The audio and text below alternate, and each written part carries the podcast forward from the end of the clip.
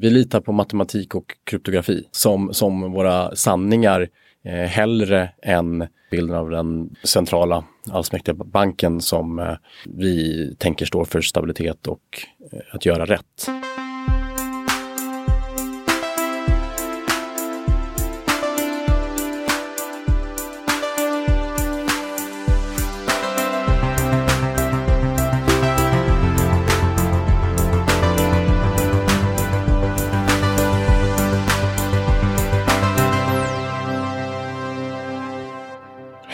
Välkommen till Heja Framtiden.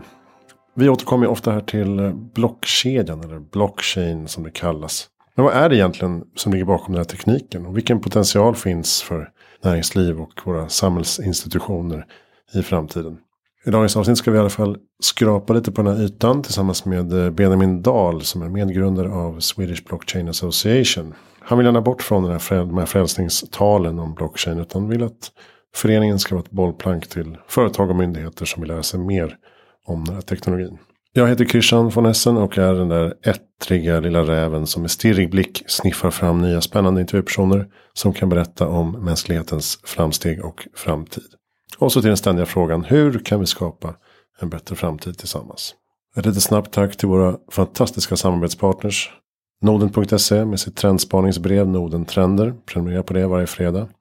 Veckans Affärer som vi samarbetar med för eh, att få ut eh, budskapet till fler i affärslivet. Kolla in va.se. Warp Institute som driver Sveriges mest optimistiska Facebookgrupp där jag även med och skriver. Gå med i den gruppen så blir ditt liv lite, lite bättre. Warp Institute driver även det fantastiskt spännande rymd crowdfunding initiativet som du hittar på warpspaceprogram.org. Vi poddar från Helio, GT30, GT 30 Stockholm. Tack snälla, helioworks.se är adressen. Oss hittar du på hejaframtiden.se. Följ oss på sociala medier, Twitter, Instagram, Facebook. Mig kan du hitta på LinkedIn, jag heter Christian von Essen och finns även på christianvonessen.com, en så kallad hemsida. Du kan även stötta det arbete vi gör genom att donera några tior varje månad på patreon.com slash heja framtiden. Gör det och bli en lyckligare människa. Jag har även tagit fram lite merch som du kan ta del av om du bidrar tillräckligt flitigt. Eh, vi har t-shirts och muggar. Bland annat. Ingen så kallad skit. Men låt oss eh, grotta lite i blockkedjans möjligheter för framtiden med Benjamin Dahl. Välkomna.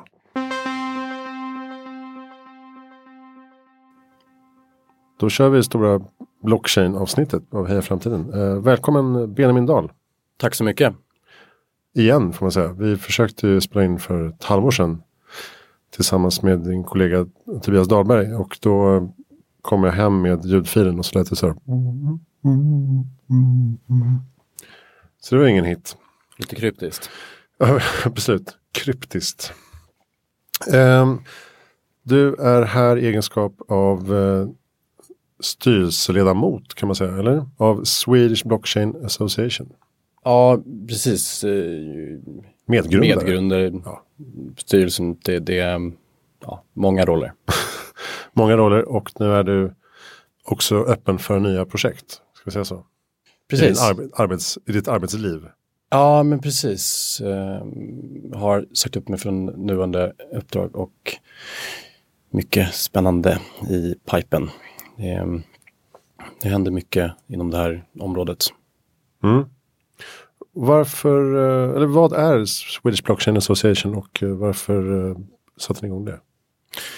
Så SBA var någonting som formades under svå, slutet på, på 2017 när jag och Andreas Johansson som är styrelseordförande träffades och eh, egentligen utbyte erfarenheter av vad som hände inom det här spacet.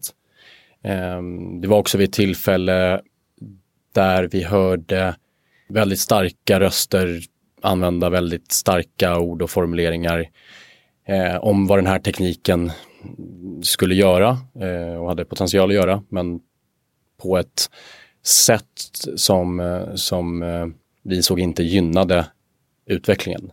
Då var det mm, hype, det hade varit bull market eh, på, eh, över kryptovalutor och digitala tillgångar redan i, i eh, ett år ungefär och man såg mer och mer lyckosökare hoppa på tåget. Och någonstans så såg vi att branschen behöver organisera sig. Så att vi såg Andreas hade, hade jobbat med Eh, Eh, med, med myndigheter, med projekt att spåra med remisser i, i vården och, och så vidare. Och jag pratade om andra projekt men det fanns liksom ingen kontakt där, däremellan. Man pratade inte och mycket av det som gjordes och utvecklades var i liksom blackbox. Eh, man höll tyst om det och vi, eh, vi insåg att här måste vi skapa en plattform för, för samarbete för att ja, statliga myndigheter, privata företag och eh, akademier ska kunna samarbeta. För det här är en lång väg och vi är väldigt tidigt ute. Det är någonting som, som man ständigt glömmer bort. Och speciellt när det kommer in aspekterna av spekulation och eh, liksom sådär. Men du säger stora ord. Så här, var det liksom eh, profeter som kom in och sa att det här ska förändra världen och då ville ni nyansera det hela lite grann? Eller? Precis, det är ingen silver bullet. Eh, vi ville vi vill kapa hypen och ett uttryck som vi tidigt stod med i stadgarna att vi vill vara någonstans den nyktra parten. Mm. Um, för att vi såg um, vad, som, vad som hände på, på marknaden och att det kommer bli en korrektion, vilket händer precis just nu och har hänt ett tag. Eh, och det är inget konstigt och det har, det har hänt eh, eh, innan men, men man riskerar att bränna folk så, som eh, faktiskt kan bidra till, till något, att bygga något riktigt. Eh, genom att eh, lova för mycket och eh, man använder ordet blockchain som, som en, eh, egentligen en upppolerad eh, databas som man, man vill hitta problem där man kan stoppa in den här eh, nya fina lösningen. Mm. Lite samma problem som med, med AI och det är många ord nu som, som används eh, lite väl lättvindigt. Eh, ja, och så, och så är det ju, blir det dumt att tro att man kan använda ett ord. Nu ska vi grotta ner, ner oss i blockchain här, men, men att, att tro att utvecklingen bara kommer handla om AI eller bara blockchain, det blir ju fel för allting hänger ihop. Och konvergerar och skapar nya saker tillsammans. Men eh, jag tror vi ändå behöver backa lite och definiera vad blockchain är och hur det bildades som teknik från början? I grunden så, så, eh, så eh, skulle jag beskriva det som att blockchain är ett eh, protokoll eh, som möjliggör eh, överföring av värden. Och de här värdena kan definieras som en mängd olika saker. Just nu så, den första applikationen om man pratar om, om bitcoin till exempel, det var ett representerat värde, ett representerat monetärt värde. Mm. Men de där värdena kan vara andra saker också. Det, det skulle kunna vara eh, en licens, en identitet, eh, födelsebevis, en försäkring, utlöpsrätt, i stort sett vilken typ av finansiellt instrument som helst. Man, man ska nog se det mycket, mycket bredare samma sak där är att vart den här tekniken kommer fylla de största riktiga affärsvärdena och generera värden. Det är väldigt oklart idag.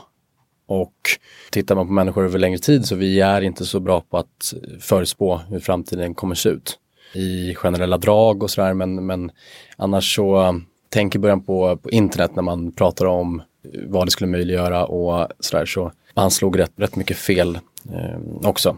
Mm. Man brukar väl säga att, att om internet är en, en, plattform för, eller ett protokoll för utbyte av information så blir blockchain en plattform och protokoll för utbyte av värde då. Precis så. Alltså, så att i förlängningen innebär att gemene man kommer inte behöva förstå så mycket vad blockchain är. Utan man kommer kanske nyttja dess funktioner utan att riktigt veta varför, eller hur? Precis, så att om, om vi byter ut blockchain, om vi ser det som ett protokoll mot IMAP eller protokollet för att eh, hantera domäner och IP-adresser. Så frågan är hur, hur, vilken nytta du har av att förstå det mejlprotokollet på ett tekniskt plan. Ändå så använder du det varje dag och ja, du skulle ha svårt att boka gäster och, och liksom eh, göra andra saker utan den här tekniken. Så det handlar väl om, om lager eller mm, kallar det abstraktionsnivåer av, av, den här tekniken och det har varit väldigt eh, svårt, obskyrt och, och, och svårförståeligt. Men sen så kommer ju nästa våg som gör det möjligt, gör det lite lättare och bryggar liksom, eh, de här gapen mellan det traditionella och det nya. Och det blir lite bättre varje gång. Och innan så såg man ju det som en omöjlighet med liksom att titta på högupplöst film när man satt i minuter och väntade på att en bild skulle ladda upp med, med ett gammalt modem. Då var det ganska svårt att tänka sig hur det skulle kunna, hur det skulle kunna titta, titta, titta på en 4K-film. Mm. Alltså så händer det ändå. Men eh, hur det händer och när det händer skulle jag vara väldigt försiktig med att ta någons ord för så absoluta sanningar. Men det har ju satt ett otroligt avtryck. När jag kom in på det här i 2013 så var det ett helt annat läge. Det var ju folk som öppet var enormt kritiska under de krascherna när, när bitcoin eller krypto kraschade från, från ehm, 100 dollar och sen 1000 dollar. Då hade jag personer som öppet stod och, och kallade de som höll på med det här för idioter och bortkastade pengar och det, det, mm. det var liksom en helt annan ton. Idag så har jag aldrig varit med om en, varmare kryptovinter om man, om man uttrycker sig så.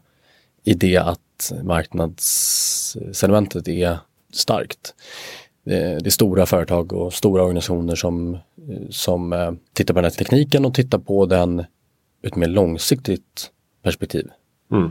Och inte ute efter de här quick fixes som, som det var medan det var en riktig hype. Mm. Det är lustigt det där att blockchain kom ju lanserades som begrepp tillsammans med bitcoin. Var det inte så? 2009? Ja, precis. Um, det här är också beroende på, på vem du frågar och på vilket sätt. Men, men den här um, bitcoin och uh, den här krypto, det, det växte fram uh, västkusten i USA på 90-talet med, med CryptoPunks som, uh, som tittade på, på innovativa nya sätt att lösa problem med matematik och, och kod och datorer. Det som vi innan lite lite decentrala parter och institut för. Och eh, en av dem var eh, en man som heter Nick Sabo. eh, som eh, myntade, det var han som myntade begreppet smarta kontrakt som idag är ett, ett annat buzzword eh, inom blockchain. Eh, och det var 94. Och hans eh, definition där av ett smart kontrakt programmerad med, med regler som vi ska kunna definiera i ett kontrakt men istället låter maskinen utföra eller verifiera resultatet av. Och han gör en analogi med en tugg, tuggummi-maskin där, där ett ganska smart kontrakt, eller ganska enkelt kontrakt, du trycker i mynt, vrider och får, för det så, så kommer det ut ett, ett tuggummi. Det var redan 94. 2005 så samma person lanserade idén med, med Bitgold. Vilket var förlagan till, eh, till bitcoin det här har funnits, eh, det här är inget bara nu som har ploppat upp utan jag har pratat med, med forskare som har jobbat med decentraliserade databaser och de här teknikerna på olika sätt väldigt länge. Men eh, som med alla tekniker så är det liksom när saker kommer samman på, visst, på, på rätt sätt mm. eh, som, det, som det händer någonting speciellt. Paketeringen blockchain har ju varit väldigt lyckad i att, att eh, göra det till ett eh, namn på, på mångas eh, läppar. Sen så är det för många nog som, som gör sin egen sanning av vad det är och vad det ska bli. Mm. Kan man förklara varför blockchain anses vara säkert då? Varför kan man eh, överföra värden över blockkedjan? Så att innan så, de vi har förlitat oss på eh, ska ha den rollen. Att eh, validera, validera transaktioner, eh, se till att du, du och jag, jag. Mm. Det har vi förlitat oss på, på bankerna och finansiella institut och, och göra. Det vi ser att det finns mycket svagheter med det. Om jag ställer frågan om litar du på, litar du på bankerna så Sverige är väl ganska bortskämda med att ha haft det väldigt stabilt. Men eh, i många andra länder och så, så, um, så är inte det lika självklart. Och eh, möjligheten eh, när du har en central part som, mm, central makt som, som styr över eh, då dina pengar till exempel är att om du bor i fel land med fel i statens ögon, eh, sexuell läggning eller eh, politisk åskådning, så finns möjligheten att eh, frysa dina, dina tillgångar. Om eh, du lyckas fly från det landet och kommer till ett nytt land så, så är dina tillgångar fortfarande kvar i, i bankens, eh, i ditt hemlands eh, ägo. Så det, det är en aspekt. Sen så varför bitcoin uppkom var en reaktion eh, mot det, det, det rådande eh, systemet, mot världens banker och stater. Det var efter finanskrisen. Precis. Eh, så att i den första bitcoin-transaktionen som gjordes har man lagt med en länk till, eh, till en eh, artikel i en engelsk tidning där man godkände det nya eh, QE, Quantitative Easing-paketet. Eh, det var som en nudge att eh, det här kan inte vi göra. Vi kan inte förstöra vårt eget finansiella system. Vi kan inte, vi kan inte späda ut på det sättet som, som ni gör eh, folk kanske inte resonerar över att världen har, har tryckt in eh, över 13 triljoner dollar eh, till finansiella marknaderna som man har tryckt. Det är nya pengar, de har skapats eh, från, från ingenting. Och eh, amerikanerna har kvar en 100 dollar sedel. Den är inte värd lika mycket eh, idag som den var då så det, det, det, var, en, eh, det var ett, ett, ett, sätt att visa att här är en typ av, av, digitalt värde som, som vi har inte den centrala kontrollen över att, att kunna missköta det så bara för att vi sitter i krisen. Så det var en, det var en reaktion till det. De, de valde också, vem nu som än har, skapat det, valde också det fiktiva födelsedatumet eh, för karaktären Satoshi till samma datum när eh, USA eh, krävde in allt eh, guld från sina mm. medborgare. Just det. Där de sa att alla de här värdena ni har, ni, ni har undanstoppade guldpengar i, i, i madrassen, ni äger inte längre dem. Det är staten som äger. Det begår ett brott om ni inte lämnar in dem. Mm. Och då satt man i en, i en kris, staten. Och då krävde man in dem. Idag så kan man göra samma sak vilket man har gjort. Istället för att eh, ta folks ettor och nollor från folks bankkonton så trycker man nya pengar och gör de som de redan har mindre värda. Så därifrån så, så föddes den här reaktionen av att vi kan inte lita, eller så här, ska vi lita på dem som, som eh, har möjlighet att missköta systemet så här. För att som jag ser det så um, det var det, var det största monetära experimentet som, som vi gett oss på i världshistorien 2008. Mm. Och uh, vi har inte löst några problem, de problemen som, som vi hade 2008 utan så är vi ett mycket värre läge ändå.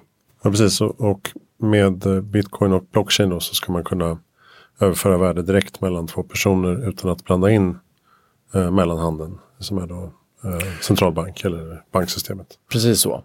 Och det här är också väldigt nyanserat men, men om man tar då bitcoin som exempel så har man gjort så att alla deltagare, du behöver inte vara en, eh, du behöver inte registrera dig för att, för att, för att eh, validera transaktioner på, på bitcoin-nätverket. Vem som helst kan vara deltagare, du behöver inte visa ditt pass och identitet. Så hur avgör vi då vem som när saker ska skickas och vem är vem, vem, vem gör det om det inte är någon vi, vi litar på? Och där är lite där är innovationen som, som kom på att ja men då låter vi använda nätverket bevisa sin seriositet som validatorer genom att spendera eh, någonting. Det måste kosta. Någonting som är universellt prissatt. Priset på, på el. Så att matematiska eh, problem som man är tvungen att dedikera datorkraft till och som kostar så här mycket el blev då det som idag kallas eh, proof of work. En av konsensusalgoritmerna som, som de här digitala valutorna bygger på. Mm. Proof of work, liksom, där arbetet i prissatt el. Så att det är vad bitcoin mining är. Det är datorer eller processorkraft som tillägnas att, att eh, lösa liksom, matematiska problem för att bevisa sig att, att jag är en seriös eh, validator. Att jag har spenderat så här mycket el så att jag kan validera folks transaktioner. Och det betyder att om jag är en oseriös aktör så kommer det kosta otroligt mycket för mig att göra fel. Alla användare i hela nätverket har en kopia på alla transaktioner som någonsin har skett. Mm. Så att ska du, ska du börja bråka med, eh, med historiken av transaktioner så, så måste du göra det på ett sätt som är väldigt svårt och ganska osannolikt att, att göra. Eh, det är inte sagt att det inte kan hända. Ehm, det här är fortfarande en väldigt ny teknologi och just nu ska jag säga att generellt att bitcoin-nätverket är det säkraste för att det är det största och kostar mest pengar att attackera. Mm. Men eh, sen så hur det ser ut om, om tio år och sådär, det, det, det återstår och, eh, att se. Mm. Jag tror det som jag har svårt att få in i mitt huvud det är hur kan, ja du svarade i och för sig på det, men hur, hur kan det vara säkert? Liksom? Hur kan jag lägga mina identitetshandlingar och mina pengar i uh, att skickas över det här systemet? När, när, när, du säger att uh, man tjänar sin uh, trovärdighet genom, genom, att, genom processorkraft i en serverhall det, för elkonsumtion. Det stora el, skiftet här är väl att i, här så lägger vi, därför det kallas nerd money från, från början. Mm. Eh, vi, vi lägger det här ansvaret på, vi, vi litar på matematik och kryptografi som, som våra sanningar eh, hellre än bilden av den centrala allsmäktiga banken som eh, vi tänker står för stabilitet och eh, att göra rätt. Mm. Kryptovaluta är ju liksom bara tip of the iceberg på något sätt av den här utvecklingen. Vad finns det mer för applikationer som eh, kommer allt starkare nu, eh, som använder blockkedjan? Precis. Det, det, är ju där, eh, det är där jag um, hittade mitt intresse i, i början. För sex år sedan så handlade det bara om, eh, om eh, dels valuta men och det, det handlade mycket om, om spekulation. Ehm, eh, sen, sen jag förstod att det var mycket bredare, att det var mycket större. Det var där det blev intressant. För att den här, på samma sätt den här databasen som innehåller transaktioner som alla användare har samma kopia av. Eh, det kan vara liksom en, en eh, lista med transaktioner på eh, vad som har skickats men det är fortfarande olika värden. Så att om det är bitcoinvärdet eller om det är identiteter eller eh, utsläppsrätter så, så går det att göra på ett sätt som eh, du kapar väldigt många mellanled. Idag när vi, när vi skickar liksom pengar Eh, så går det genom en mängd eh, olika aktörer, clearinginstitut och, och, och banker. Och, eh, Som alla tar en transaktionsavgift? Alla tar en, en cut och eh, tittar man på eh, som folk använder idag, Swish och, och skicka pengar, det är ingen innovation.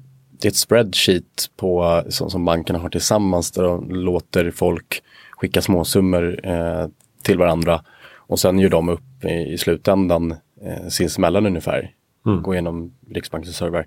Det här är, jag skulle säga att det är ett panikmove för att, för att folk ska kunna eh, göra det egentligen som, som går att göra med, med, med krypto då. tidigt. Det är svårt. Just nu så ska man väl vara det är volatilt eh, som sett nu. Eh, men det är saker som kommer eh, på sikt att, att finnas bättre lösningar för. Det kommer att lösa problem i en mängd olika branscher. Men det kommer också att, att spenderas mycket pengar på, på ingenting. För att man har en övertro om att, om att det ska lösa saker som, som kanske inte riktigt är där än. Och tittar man på de, de stora giganterna som, som pratar om, om blockchain så ska man vara tydlig med distinktionen och eh, nu ska jag korta ner till bara två läger. Att du har öppna blockkedjelösningar vilket är då till exempel eh, Bitcoin-nätverket eller där du inte behöver eh, registrera dig som, eh, som en eh, aktör i nätverket. Mm. Eh, egentligen att vi litar inte på, på någon. Eh, alternativet och det som de flesta som, som jobbar in, inom corporate-världen som pratar om blockchain, de pratar om permission-based blockchains, eller permission-based ledgers, som egentligen eh, betyder att okej, okay, vi, eh, vi vill inte vara en enskild eh, central part som bestämmer allt det här, men om vi, om vi går ihop i, i, ett, i ett nätverk med, med vänner där vi alla litar på varandra, eh, då har vi spridit ut liksom, och vi kan kolla varandra. Och... Ja, så det blir decentraliserat inom det centrala så att säga? Ja, och, och då, där är frågan, är det decentraliserat? Nu så säga finns... att intranätet är internet. På sätt. Möjligtvis. Alltså jag tänker så här att eh, om problemet är att vi inte kan lita på en bank. Eh, vad är sannolikheten att eh, flera banker i kollaboration skulle göra mer rätt? Mm. Eh, så här, gång efter gång så har det visat sig att det är precis det som eh, det skapar system för att gömma, gömma risk. Så frågan är hur, hur, hur innovativt liksom, eh, det är att ha en, en, en, grupp med aktörer som, som ska göra någonting tillsammans. Och om vi litar på dem mer än bara eh, en part. Ja, just det. Finns det en ironi i den här världen att eh, bankerna är de som nu investerar mest i tekniken? Och de var de som skulle liksom dödas från början? Ja, och, och den frågan får jag säga, bankerna, kommer de försvinna? Nej, det, det är liksom, det är, det är en utopi att, att, att tro att eh, de kommer förlora deras eh, business och, och liksom, det, det mesta ägs av, av eh, bankerna och de finansiella instituten och de kommer inte bara tappa, tappa makten över, över en natt. Så de kommer ju såklart vara de och har varit de som varit intresserade av det här från, från början. Sen så går det ju emot lite deras affärsmodeller och eh, eh, hur de jobbar. Så att tidigt när det här var, när det var hype för bankerna 2013, 2014 då gjordes mycket, eh, mycket uppköp från bankerna. Eh, man visste att man skulle in i det här, eh, man visste att det här var det nya, eh, vi kan inte hamna efter. Så då, då köptes det många bolag som sa att de gjorde, höll på med, med, med blockchain på ett eller annat sätt. Mm.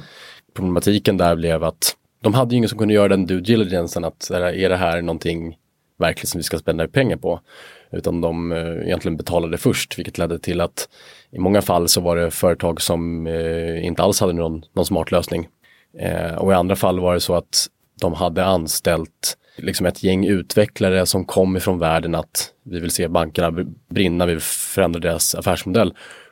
Och sen blev de uppköpta av en stor bank som säger att ja, men kan ni göra allt det där eh, blockchainiga fast liksom typ inte sprid inte ut databas, alltså vi kan göra det på förut. Håll inom våra väggar. Ja men precis, de vill liksom eh, på våra premisser och utmana inte, kan du anpassa det här till vår affärsmodell? Och, så det, och det blev ju total kulturkrock. Där så fick man sig en, en eh, kalldusch men sen är det här eh, i alla branscher eh, sen dess eh, tittats på. Så det är mm. alltifrån eh, liksom Världsnaturfonden när alla länder eh, träffades här i, i Colombia så var det en av huvudpunkterna när eh, de största advokatfirmorna, juristfirmorna och eh, andra så är det också en punkt eh, som är central att hur ska vi förhålla oss eh, till det här. Mm. En del av det är, är väl befogat. Men mycket är också en förhoppning om att det kan vara någonting som eh, kan lösa problem. Ehm, jag läste någon artikel här, jag kommer inte ihåg vilken tidning det var, men eh, där man ser att ehm, främsta potentialen i ehm, blockkedjan är att få ner kostnaden av att göra affärer över massa olika branscher och att det finns då en trillion dollars unlocked i, det, i denna potential.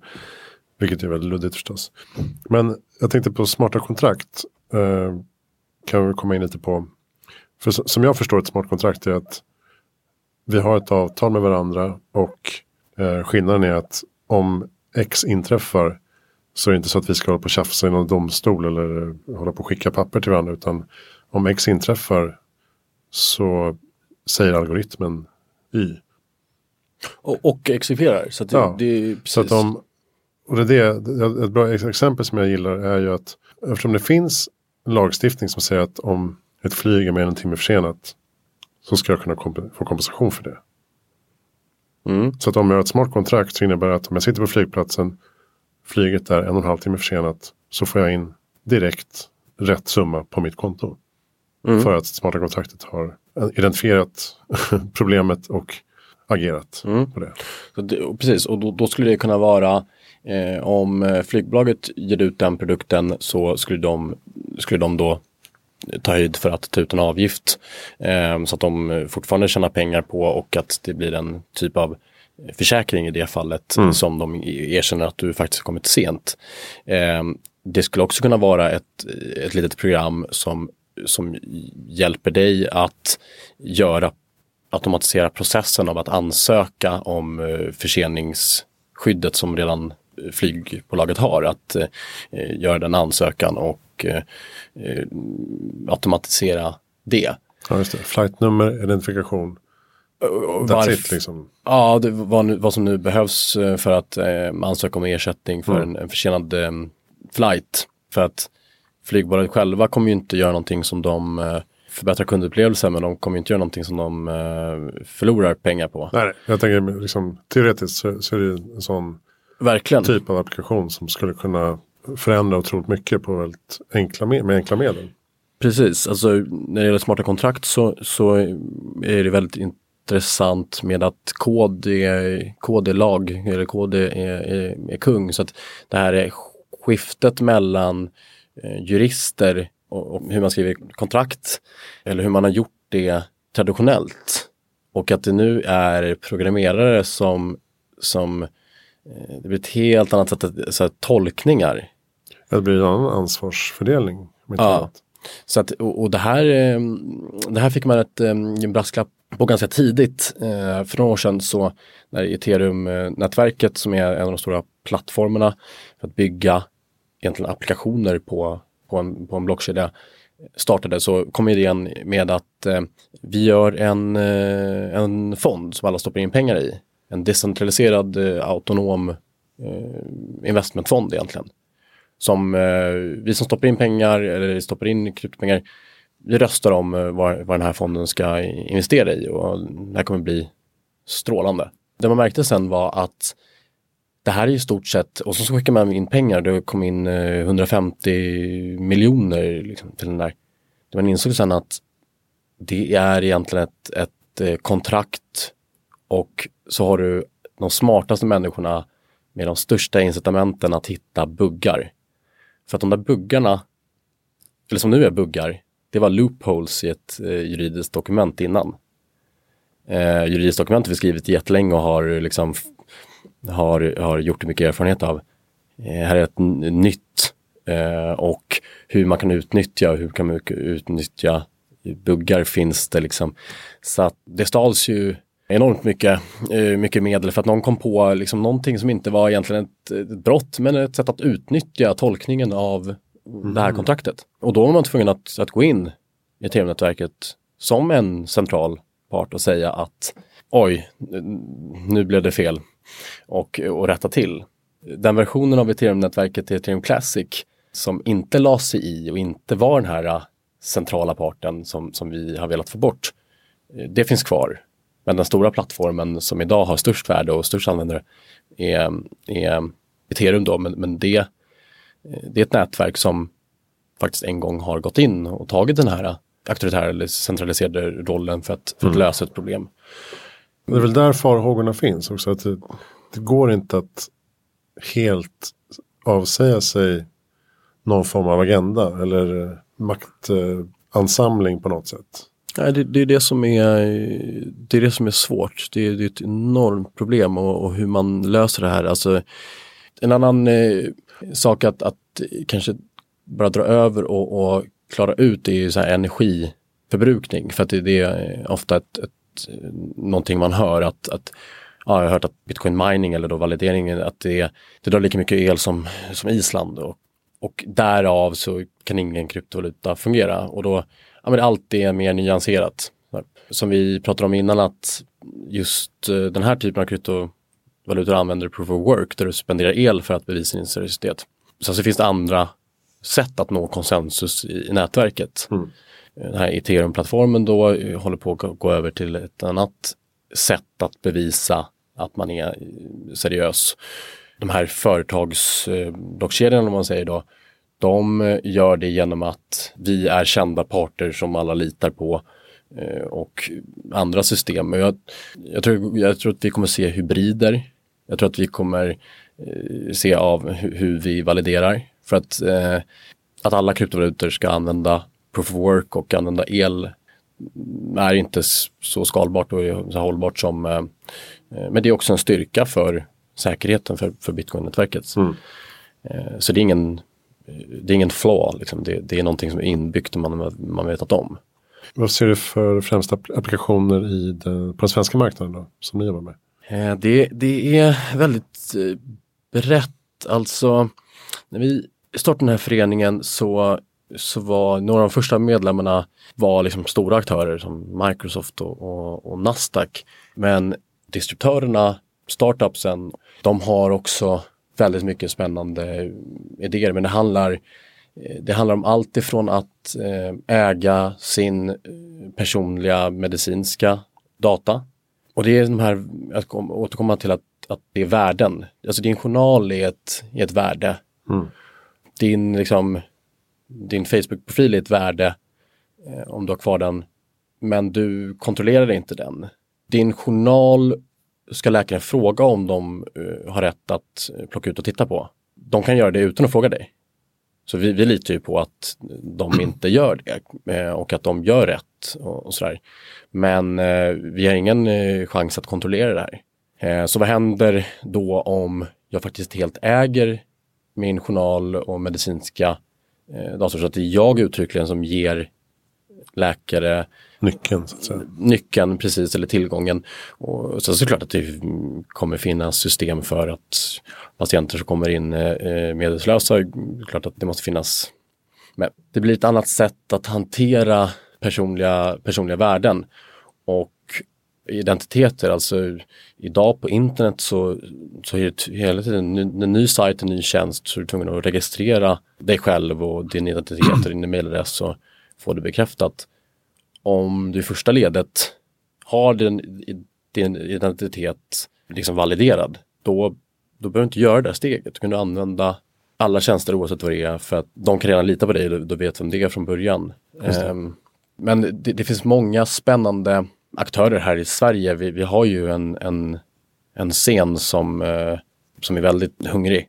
Och nu börjar det komma nästa, eh, nästa steg av, eh, av applikationer och företag. Det finns ett spännande startup som heter, som heter Superblock som som möjliggör nästa, nästa lager av adaption. Alltså det, I början var det, om man ska dra parallellen till, till kryptovaluta igen, så, så Christian Ander, den, han som startade det första bitcoin-växlingskontoret i Sverige. Det var av ett behov av att det var otroligt krångligt att köpa bitcoin i starten 2011, 12. Så här. Och egentligen bara möjliggjorde det. Det var en brygga. Liksom.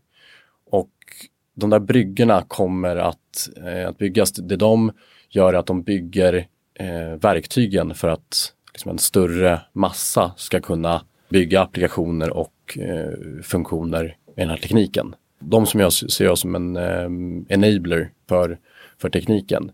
Men det är fortfarande eh, liksom verktyg eller plattform för att, för att hjälpa folk att bygga. Sen så vad som byggs. Ja, eh, Där får nog marknaden eh, liksom eh, rensa ut. Men det jag tror är viktigt för branschen i stort är att du måste kunna visa vad du skapar för, för, för riktigt liksom, ekonomiskt värde. Eh, för utan det så, så har du inte så mycket. Ja, precis. Eh, logistik är en eh, sektor som har stor potential inom blockchain. Och spårbarhet, framförallt inom mat, är mm. en eh, otrolig potential. Det finns en food trust som IBM har hållit på med. Där de jämför det då om man skulle spåra ett paket mango på traditionellt vis från produktion till fruktskål. Så tog det ungefär, eller det tog ungefär, det tog exakt 6 dagar, 18 timmar, 26 sekunder att spåra upp de här mangosarna med blockkedjan så tog det då två sekunder. Och där är Dole och Nestlé och Unilever och Tyson Foods alla är med på det här och, och testar. Så att eh, där finns det ju enorma vinster om man kan visa på, om man kan få transparens och data och spårbarhet på, på mat och få, få bort matfusk och säkra källa och Precis. ursprungsland och sådär.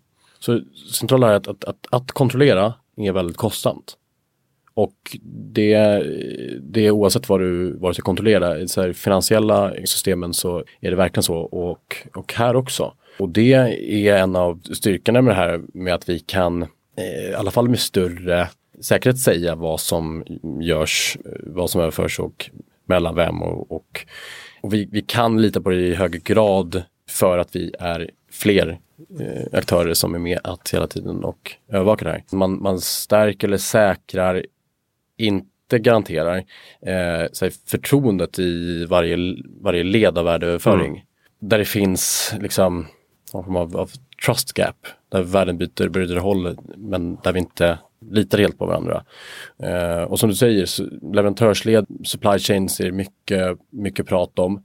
Dels för att kunna säkerställa vart den produkt kommer ifrån är producerad och utvunnen och följa de här, de här stegen. Eh, men där finns det också möjlighet att lägga in affärslogik i en sån lösning eller kontrakt. Så att du inte bara har aspekten av spår och, och att spårbarheten till större grad säkerställs utan också att en, eh, en pall eh, som åker från, från eh, hamn A till hamn B kan automatiskt betala tariffer och, och skatter på vägen och ja, ha aspekter med sig av att här, om det sker, sker på de här premisserna, eh, att det blir så här varmt i, i container och skakar så här mycket, då vill inte vi eh, betala för det här för att, för att vi fraktar läkemedel och de kan vara skadade ja, om de här temperaturerna. Som ja. sätter igång. Problemet är om vi ska lita på externa värden och det här är ett stort problem i, så beroende på vem du frågar så kan du säga att ja, men det, här, det här är i stort sett en omöjlighet eh, eller att så här, det här är, är någonting som vi kan göra bättre och bättre eh, men som finns svårt med idag. Men för hur litar vi på sensorns input? Mm. Som med liksom, machine learning eller malware, liksom, det blir inte bättre resultat än vad du har för input eh, någonstans. Att om jag kan ljuga för om temperatur, temperaturskillnader avgör om hur mycket jag betalar för mina varor som är beställt då skapas incitament för att Initiera temperaturskillnader? Eh, ja men eh, nästan så. Mm. Alltså det, det um, finns absolut eh, mycket att göra där men, men, men eh, som sagt det måste bevisa sitt, sitt riktiga e-, ekonomiska värde först. Mm. Och det tror jag att det, det är övertygat om det kommer göra. Men sen så får vi se vart, vart det faktiskt appliceras eh, på riktigt. Mm. Och som du var inne på också med den personliga eh, integriteten och identiteten. Att eh, om jag som flykting eh, kommer eh, passlös till ett annat land så kan jag eh, via blockkedjan då kanske bevisa min, min identitet. Eh, och där har jag också mina utbildningar, certifieringar, CV, familjeförhållanden och sånt. Precis. Lagrat tryggt och säkert. Ja, så det där pappers eh, plastchip-passet som du har haft, det är ju, det är ju liksom den här fysiska representationen av, av eh, det värdet, om det finns och om valideringen eh, från dig då, vad, vad är det? FN har gjort ett projekt eh, för några år sedan där man eh, ersatte cash and vouchers-systemet eh, i flyktingläger med eh, digitala tokens. Och då för människor som har flytt från krig och inte har några papper så eh, använder man eh, iris-scanner mm. för att eh, mm. liksom koppla till din identitet. Så där finns det ju där finns det ju flera olika sätt som man kan göra det med. Alltså genetisk information eller biometrik eller fingeravtryck. Alltså, men kombinationer av det här liksom skulle kunna vara en, en, eh, en lösning. Och där, där har det varit väldigt lyckat. Det har varit ett test och det fortsätter. eh, testa hur man, kan, hur man kan nyttja det här på olika sätt. Lovande men det, det är, det är stora, stora utmaningar. Ja, för det ska ju till globala överenskommelser så småningom. För att sånt här ska funka kanske. Ja, precis. Eh, samtidigt som, eh, som den här marknaden, eh, kryptomarknaden har kommit in från, från sidan utan att be om lov och, mm. och eh, liksom haft egentligen de största, värsta aktörerna mot sig. Eh, och trots det överlever. Jag har hört i så många år nu under så många inom citationstecken krascher och, och sådär att det här är kört, det kommer inte bli någonting. Det är bara en fråga om adaption på olika liksom, nivåer. Mm. Det blir också så höga insatser. Alltså, om man ser ett intrång i en bitcoin situation så drar det ner hela branschen. Liksom. Men ett, ett bankintrång eller någonstans, det är ju liksom bara ett av Ja, miljarder. och precis. Där, där, har vi en bransch som har gömt de där riskerna väldigt länge. för att ja. eh, Ehm, och, eh, och det här med, i början så var det mycket kritik kring, eh, kring att eh, ja, men det är för eh, kriminella syften och, och så här. Och det där har man ju gjort med eh, när det kom digitala pengar, och började handla på nätet. Så, så det är så här, samma kritik som, som kommer igen. Det är spännande och det är samma, man hör ju samma typ av tongångar när det gäller finansiella marknaden. Alltså den, Eh, de argumenten man använder för att liksom, rättfärdiga saker och det är mycket samspel eller mycket eh, liknande scenarier. Lite som eh, med självkörande bilar. Om en självkörande bil råkar köra ihjäl någon så blir det liksom total kaos och då är det, de är inte säkra längre. Medan vanliga bilar kör ihjäl folk i tusental varje dag. Och det är, och det är status quo på något sätt. Så det finns ju alltid en rädsla för det nya och eh, då måste man ha, de har ännu högre bevisbörda på sig på något sätt. Precis, luppen här är ju, eh, det, det man kan se är att eh, där det verkligen fyller en, en, en, en riktig funktion för människor i eh, liksom, eh, när vi har eh, banksystem och länder som Venezuela och mm. Grekland där det är krispliktigt där man, där man verkligen inte litar på sin bank. Där fyller den en, en, en riktig funktion så att, så att jag tror att det här kommer att fylla en större funktion när, när misstron mot det finansiella systemet som är nu ökar så tror jag att vinnaren på det kommer vara andra typer av system som inte bygger på den här traditionella centraliserade strukturen. Mm. Jag kom på ett annat, exempel, ett annat exempel som heter Plastic Bank som eh, underlättar för lokalbefolkning, fattig lokalbefolkning att eh, städa stränder. Grundades i Kanada och opererar mest i Haiti och eh, Filippinerna. Där eh, fattig lokalbefolkning kan få ehm, ersättning för att plocka ehm, plast på stranden och samla in och väga det. Och så får de med sin mobil då, eh, token eller valuta ehm, för sitt arbete. Men, men, då, men då finns det en, en aspekt av det där att de kan bara spendera sin token i, till till exempel mat eller utbildning eller sjukvård eller sådana saker. Så att, så att det, det, finns en um, samhälls byggande aspekt i det. Som jag tycker är rätt bra. Jag lyssnade på honom för några veckor sedan, en av grundaren. Plasticbank.com kan jag kolla in. Uh, vad är det för tips om man vill uh, lära sig mer om uh, blockchain då? Jag tänkte så att jag har ett, ett gäng med länkar som um, jag lägger med, som du kan lägga med i, i bion. Ja. För folk som vill gräva sig lite djupare ner i det här. Grymt, vi lägger det på hemsidan hejaframtiden.se. Jajamän. Under ditt avsnitt. Men så, så är ju det som eh, Swedish Blockchain eh, Association gör. Vi är ute och utbildar, håller workshops, arrangerar konferenser och evenemang och är en, också i det fallet en enabler mellan att skapa samarbeten och förklara vad man ska använda den här tekniken till och vad man kanske inte ska använda den till. Mm. För att har man den approachen så kan man kanske undvika att spendera väldigt mycket tid, energi, pengar på någonting som man kanske redan eh, har en lösning för idag. Men eh, den är inte så, den är inte lika het och eh, hypad som det är nu. Där, eh, det är bara att ta kontakt med oss och göra det ännu mer grundligt att säga och titta på någon form av hur ska vi förhålla oss till det här? Vad är det vi behöver göra?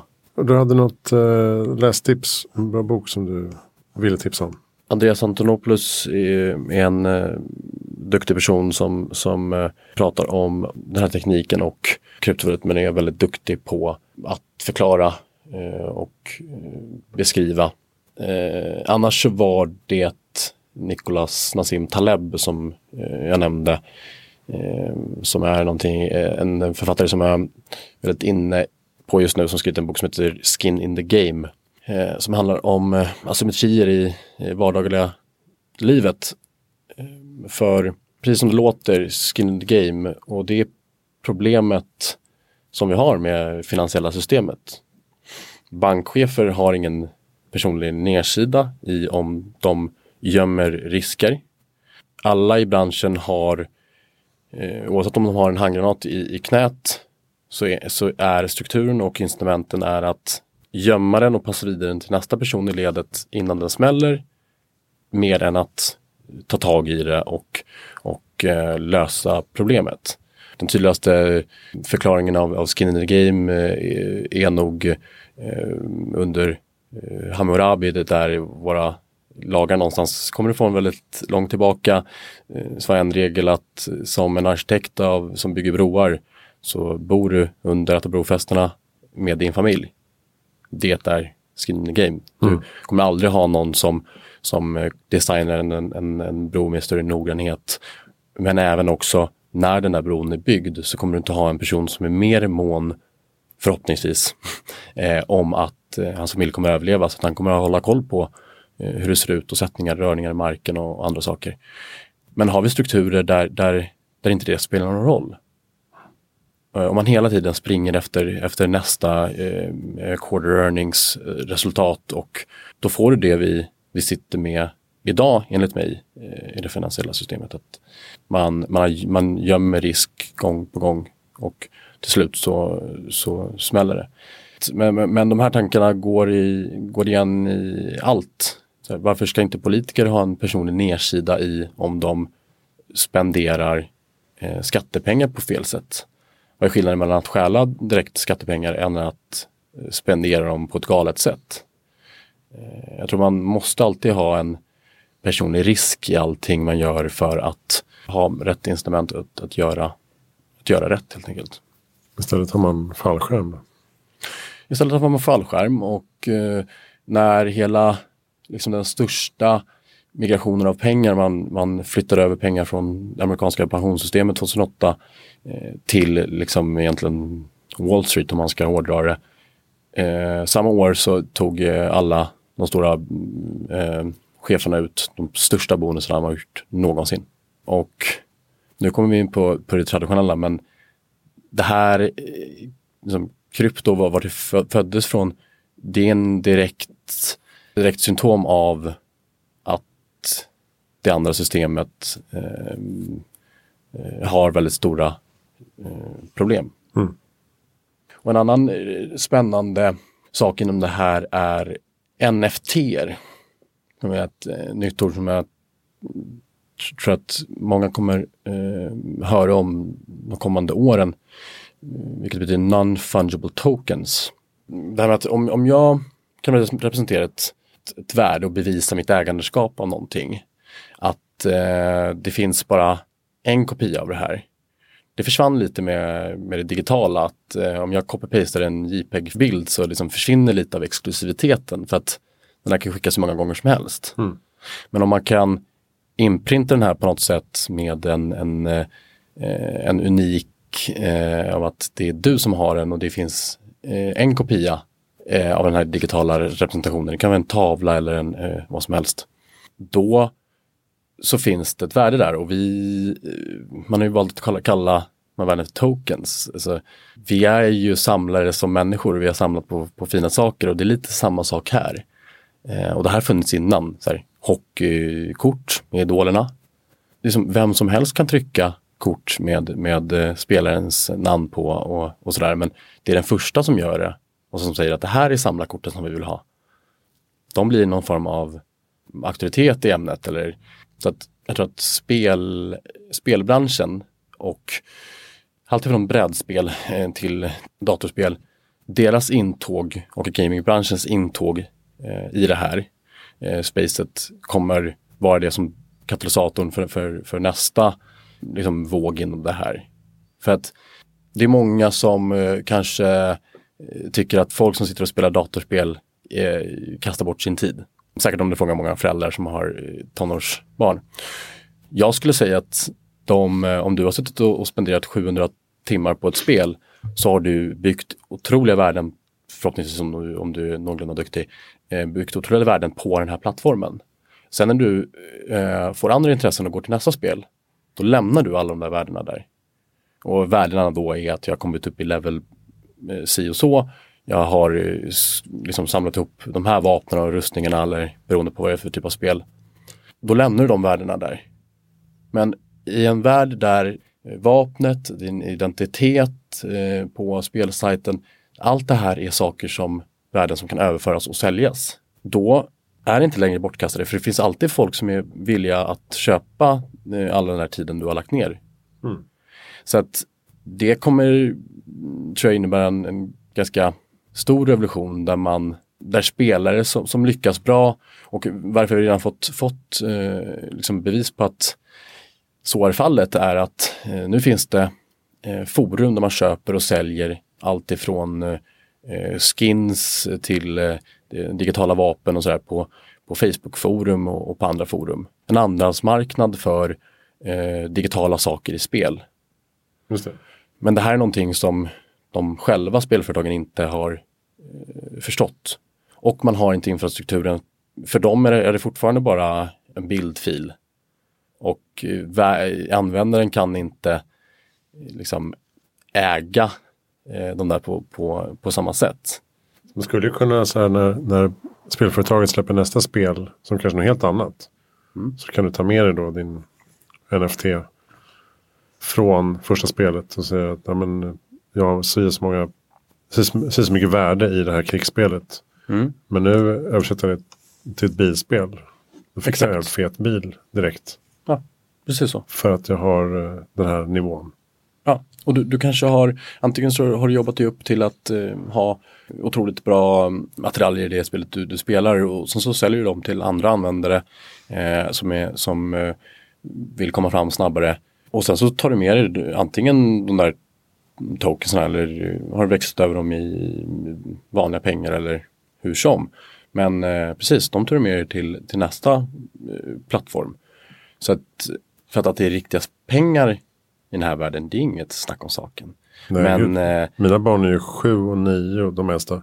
De lägger sin veckopeng varje vecka i Roblox. Roblox? Roblox som är um, online-spel på iPad. Mm. Så de köper ju peruker och ansikten och vapen och eh, verktyg i olika världarna. Mm. Det, det jag tror kommer eh, hända är att eh, det kommer komma uppstickare som säger att här har ni användare möjlighet att skapa de här värdena. Sen när ni inte vill det så äger ni de här värdena och kan göra vad ni vill av dem. Mm. Det kommer ske en massmigration till till den typen av spel där användare känner att de faktiskt inte bara gör, gör det för någon annan, gör det för spelföretaget. För de bygger upp deras, i de här öppna värdena och allting så fyller varje användare följer en, en funktion och bidrar till att ekosystemet fungerar bättre. Mm. Men det får man ingenting för. Det är snarare så att du ska, de, de tvingar dig till att köpa, köpa till tilläggsgrejer hela tiden. Ja, eller? du kan också tjäna ihop de här, den här valutan. Men det tar för lång tid.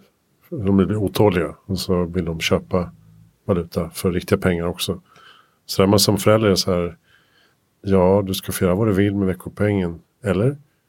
Ska man verkligen få trycka in det i deras system? Så mm. Fatta hur mycket pengar de måste få in hela tiden. Ja. Kanske in för just uh, bildfiler som är pixlar på en skärm. Precis, och det, det tycker jag är fel.